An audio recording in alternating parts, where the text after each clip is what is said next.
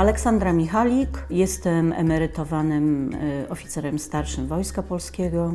Z wykształcenia jestem pedagogiem specjalnym.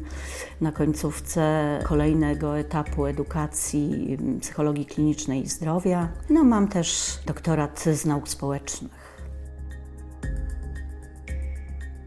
Jesteśmy przyzwyczajeni, wiemy i w pewnym stopniu spodziewamy się tego, że jeżeli żołnierze jadą na misję, jadą na wojnę, mogą zostać ranni, mogą przywieźć rozmaite problemy czy rozmaite rany widoczne. Chciałbym, żebyśmy porozmawiali o tym, co potrafią przywieźć, czy co przywożą, a czego nie widać. Czy każdy żołnierz, który trafia, albo prawie każdy żołnierz, który trafia na wojnę, przywozi również jakieś psychiczne rany? To jest interesujące pytanie, dlatego że nie każdy człowiek, jeżeli tak ogólnie będziemy na to patrzeć, na zjawisko w ogóle traumy, na zjawisko powiedzmy tych ran psychicznych, jak to ująłeś, tak? Czyli tak zwanego PTSD, nie każdy człowiek zachoruje na PTSD. Tak można to ogólnie powiedzieć, że choruje ktoś na PTSD. PTSD to jest posttraumatyczny stres, czyli wszystkie mm, dolegliwości, które są związane z przeżytą traumą. PTSD to już jest bardzo poważne mm, zagrożenie dla zdrowia człowieka, zagrożenie dla jego funkcjonowania i fizycznego, i psychicznego, i to jest, bym powiedziała, i nie boję się tego powiedzieć, że niejednokrotnie zagrożenie życia. Nie każdy człowiek, wracając do wątku, nie każdy człowiek będzie tak bardzo dotkliwie przeżywać traumę, która go spotkała. To wszystko zależy od konstruktu jego systemu nerwowego, od ukonstytuowania tegoż systemu nerwowego, tak? od cech temperamentalnych, cech osobowości i od tego, w jaki sposób w ogóle ten człowiek, patrząc właśnie na jego temperament i cechy osobowości, jak on sobie radzi z trudnościami życiowymi, ogólnie rzecz to ujmując. To tutaj mówisz o uwarunkowaniach obiektywnych. Czy można żołnierza w takim razie przygotować do tego, co go spotka? Bo temperament, konstrukcja psychiczna to są niejako dane, ale ani słowem nie powiedziałaś o szkoleniu i przygotowaniu. Dlatego, że jeżeli jest tak, że w statusie służby, w statusie żołnierskiego losu jest wyjazd na misję, może to być misja wojenna również, prawda? I często mieliśmy z tym do czynienia u nas w Polsce. No to byłoby idealnym, gdyby ludzie byli do tego przygotowywani w odpowiedni sposób. Gdyby ich predyspozycje tego poszczególnego żołnierza tak, e, były sprawdzane. Gdyby zasoby, prócz jakichś technicznych możliwości, które ten człowiek ma, wyszkolenia, na przykład w, w, w skutecznym strzelaniu do celu, ok? Tak? No to to jest jeden wycinek ale gdzie jest psychika, tak? I tutaj jest kwestia, że można wyszkolić kogoś, kto będzie świetnie strzelać, ale w warunkach P, a w warunkach W on się zdekompensuje i na przykład albo ucieknie, nie da rady, tak, w sytuacji takiej naprawdę zagrożenia silnego mm, życia swojego czy jego kolegów, mm, nie zareaguje w sposób odpowiedni, a jeśli będzie wyeksponowany właśnie na tę silną traumę, to on y, y, w pewnym momencie być może zachoruje na to PTSD. Więc jeżeli szkolenie, to tutaj musi być dobór, to musi być selekcja. To jest moje osobiste zdanie. Oczywiście wiemy o tym, że w tej chwili być może warunki są takie, że jak się przyjmuje do zawodowej y, służby, tak, to jest większy przesiew, że tak powiem, bo są testy robione i tak dalej, i tak dalej. Ja mam taką nadzieję, że teraz jest y, inaczej niż y, było kiedyś, tak kilkanaście lat temu, że w tej chwili ten materiał ludzki podlega pewnej selekcji. mówiąc tak bardzo technicznie, brzydkim językiem, że jesteśmy w stanie ustalić, czy ktoś może pojechać, czy nie może. Czy ktoś może w ogóle być żołnierzem, tak? Testy psychologiczne z nastawieniem na właśnie zbadanie temperamentu, cech osobowości, no i zasoby.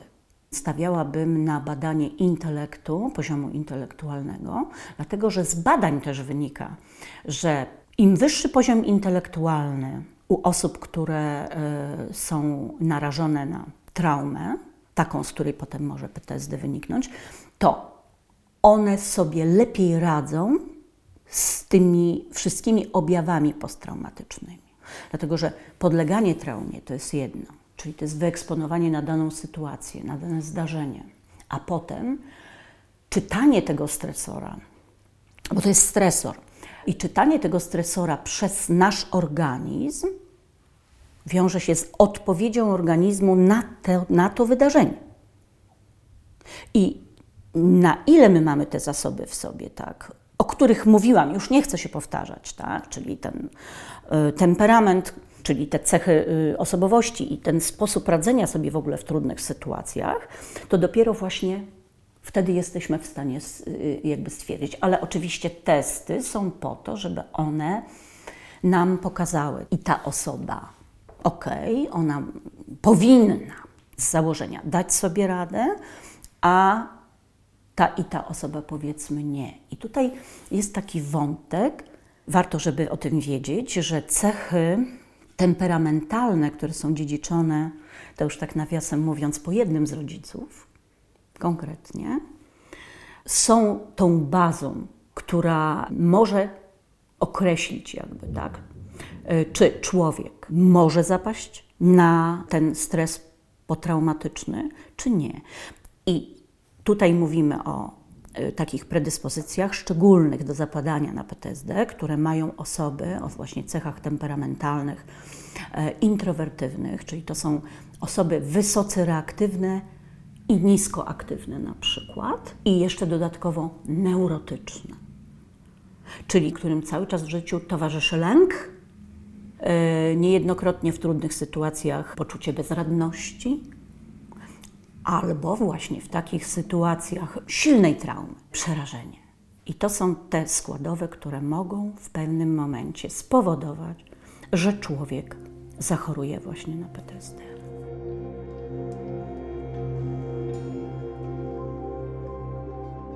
to nadal mówimy w takim razie o kolejnym elemencie, ale biernym. To znaczy, jesteśmy w stanie znaleźć ludzi, którzy sobie lepiej poradzą, gorzej poradzą. Rozumiem, lepiej, gorzej zakłada, że każdy mniej więcej jest narażony. Natomiast jeżeli nawet mamy tę grupę bardziej odpornych, czy organizacja taka jak armia jest w stanie dodatkowo przygotować ludzi, jeszcze dodatkowo uodpornić na. Nie da się uodpornić. My możemy wyszkolić człowieka, tak? Czyli tak jak powiedziałam, my możemy go nauczyć rewelacyjnie posługiwać się sprzętem wojskowym. Trening czyni mistrza, więc w pewnym momencie będzie to robić ten człowiek z automatu.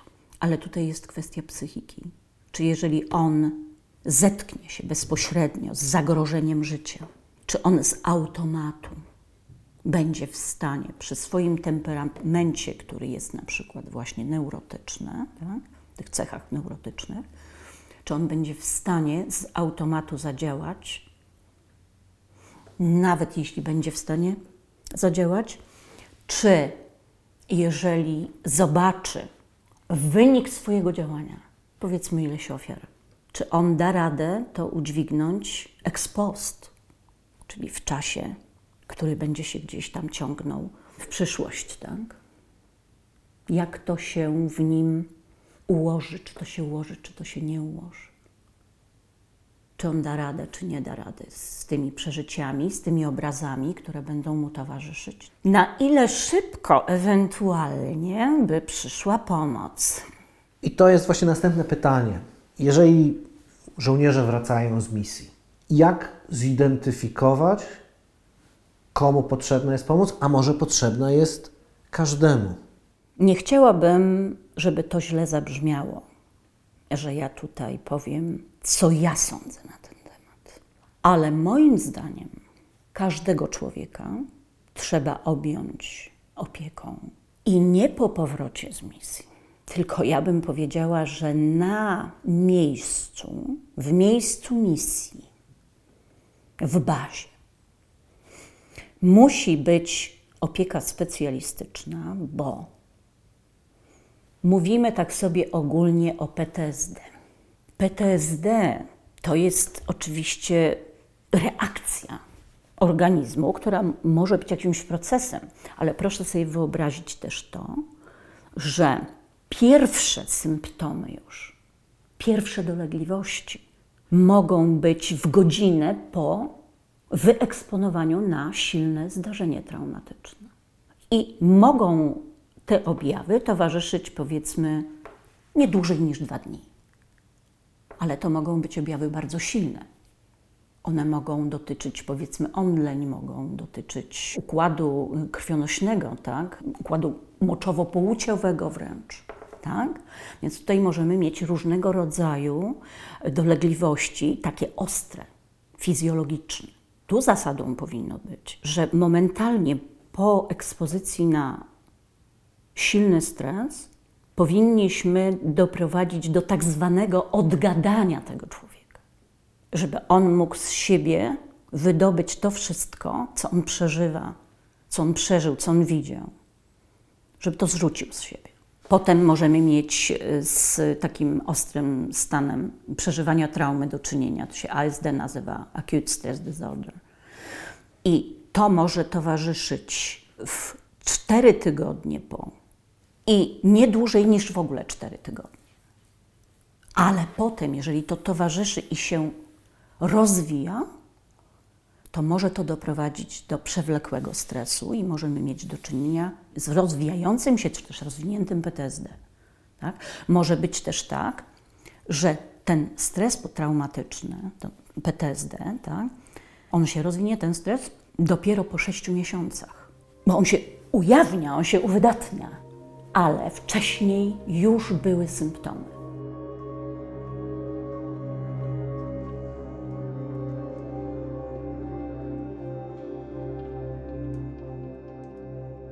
Czyli może się ujawnić po 6 miesiącach, ale w ciągu 6 miesięcy można zaobserwować, co się dzieje i w jaki sposób pewnie przeciwdziałać. I tam na miejscu, w miejscu powiedzmy misji, tak, to się dzieje.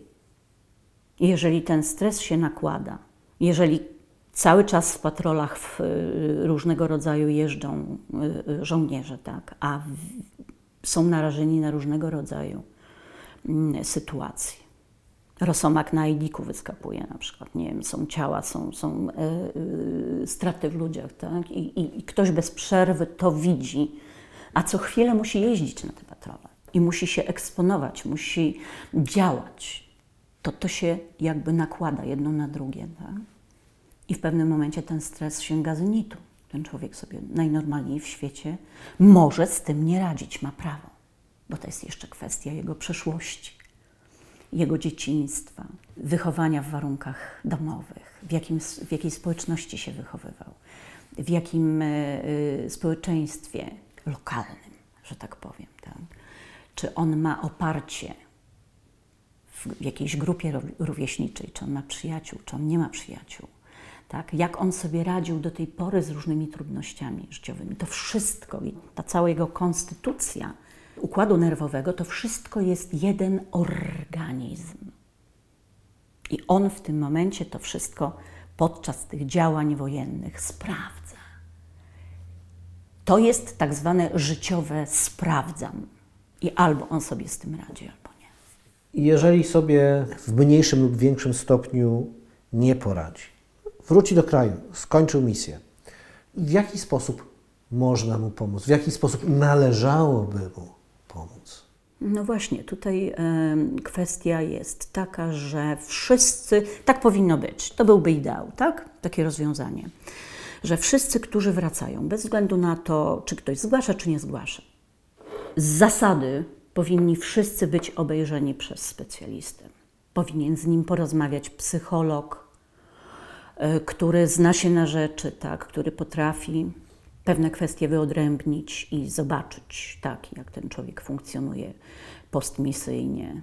I wtedy w rozmowie z tym człowiekiem podjąć jakąś rozmowę na temat dalszej ewentualnej pomocy. Bo tutaj, mając to zjawisko takie bardzo, bym powiedziała, y, złożone, tego PTSD, tak, może być tak, że człowiek będzie potrzebował też psychiatrycznego wsparcia, bo może się tu nie obyć bez y, farmakoterapii na przykład.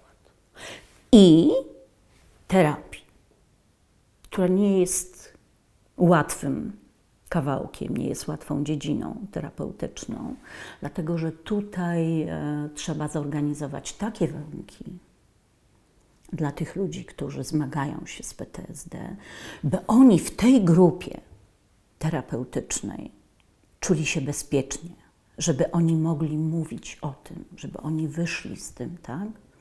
Nie w każdej grupie terapeutycznej żołnierz, który przeżywa koszmar związany z traumą, się otworzy.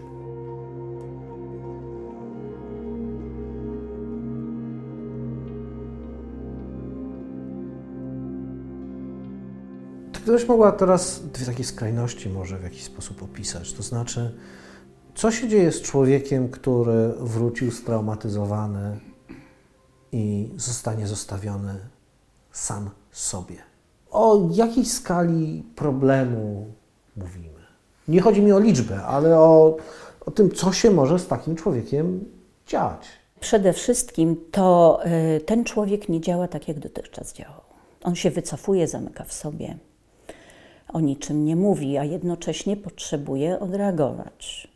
No więc niejednokrotnie jest tak, że zaczyna się wchodzenie tak w nadużywanie różnego rodzaju substancji, tak to nazwę. Tak. To może być alkohol, to mogą być też środki odurzające.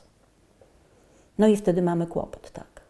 Musimy też wiedzieć jedną rzecz, że mm, rodzina nie jest tym miejscem, w którym żołnierz chce rozmawiać, bo on chce chronić swoich najbliższych przed tym, żeby ktoś nie uległ jakim, jakiejś panice, jakiemuś przerażeniu, co się z nim dzieje. On nie chce mówić na temat wojny. On na temat wojny i tej traumy, tych, tych wszystkich wydarzeń chce rozmawiać z kolegami, a nie z rodziną. Więc też dużym sukcesem jest, jeżeli on będzie mówił, rozmawiał z psychologiem, jeżeli on się podda, prawda, tutaj tym zabiegom.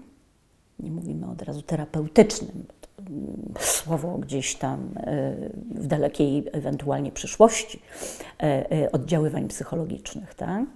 Ale jeżeli on zechce w ogóle porozmawiać, no to będzie już sukces, a jeżeli nie rozmawia, no to on cały czas gdzieś tam w tych objawach się pogarsza. Bo tutaj mamy zakres psychiki, somatyki, i w tym momencie on i zdrowotnie się pogarsza, no i psychicznie. Dlatego, że cały czas jest w tych obrazach. On ma bezustanne obrazy towarzyszące tym zdarzeniom. Tak? Mu się to wszystko przewija jak film przez głowę. On to cały czas widzi. Ma koszmary senne z tym związane. Tak? Jest, i, i, I te obrazy to jest tak zwany flashback, tak? stopklatka, która w pewnym momencie może nawet siedzieć przy stole i pozornie rozmawiać. Może się okazać, że nagle odleciał, tak? bo jest właśnie w tym. Taka dysforia, taka, taka pobudliwość niesamowita, tak, bez przyczyny, taka wybuchowość, powiedzmy, taka agresja. Bywały też, znamy takie przypadki, gdzie bywało, y, dochodziło do tego, że ludzie, którzy, mężczyźni, chłopaki, żołnierze, nie radzili sobie z, z tymi traumatycznymi wydarzeniami. Potrafili zniszczyć całe mieszkanie. Zdewastowali całe swoje mieszkanie, tak? Już nie mówiąc, że zdewastowali swoje życie rodzinne, tak?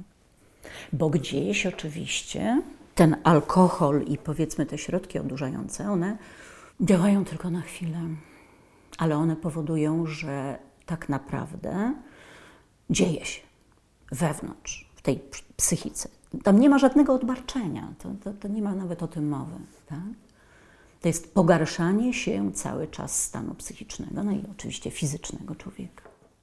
A teraz z drugiej strony, jeżeli człowiek straumatyzowany dostanie pomoc, mhm. czy to jest coś, z czego można wyleczyć, czy zaleczyć i zapanować? Jak daleko można w sytuacji idealnej czy blisko idealnej rzeczywiście pomóc psychicznie pokiereszowanemu człowiekowi, pokiereszowanemu przez traumę? No tu musi być kompleks działań podjętych jednak. To nie jest krótkoterminowa kwestia, tak? To jest proces. Z tego trzeba wychodzić jakimś tam procesem terapeutycznym. Trudno mi jest powiedzieć, ile to czasu może trwać, tak? Bo dla jednego będzie to kilka miesięcy, kilkanaście miesięcy, a dla kogoś innego będzie to jeszcze dłużej. Tak? Generalnie to są długoterminowe terapie. Trzeba tutaj pamiętać o tym, co powiedziałam na samym początku, że jeżeli jest duża lękowość, to z lękowością pracuje się praktycznie przez cały czas. Bo w życiu ta lękowość nam w jakiś sposób towarzyszy. Tak? A szczególnie ludziom, którzy mają takie, a nie inne cechy temperamentalne. Te osoby są bardziej podatne, tak? W związku z tym tutaj trzeba tych oddziaływań więcej, bardziej intensywnych i długoterminowych. Ale jest szansa, absolutnie tak, że ten człowiek powoli będzie wychodził z tych problemów tak? i będzie mógł normalnie żyć ale nie ma wyjścia. Musi być pomoc z zewnątrz, musi być zastosowana pomoc specjalistyczna, dlatego że ten człowiek sam sobie nie poradzi. A za tym, że nie mamy wyjścia, idzie też to, że mamy w którymś momencie obowiązek. I trzeba pamiętać, że państwo, które wysyła żołnierzy na misję, wysyła na wojnę, również odpowiada za to, jak przyjmie ich z powrotem i jaką opieką ich otoczy, bo potrzebują pomocy i tej pomocy realnie można im udzielić. Seria podcastów Daleko od domu została przygotowana ze wsparciem Departamentu Dyplomacji Publicznej NATO. Rozmawiał Jarosław Kociszewski. Wsparcie merytoryczne Przemysława Wójtowicza. Realizacja Free Range Productions.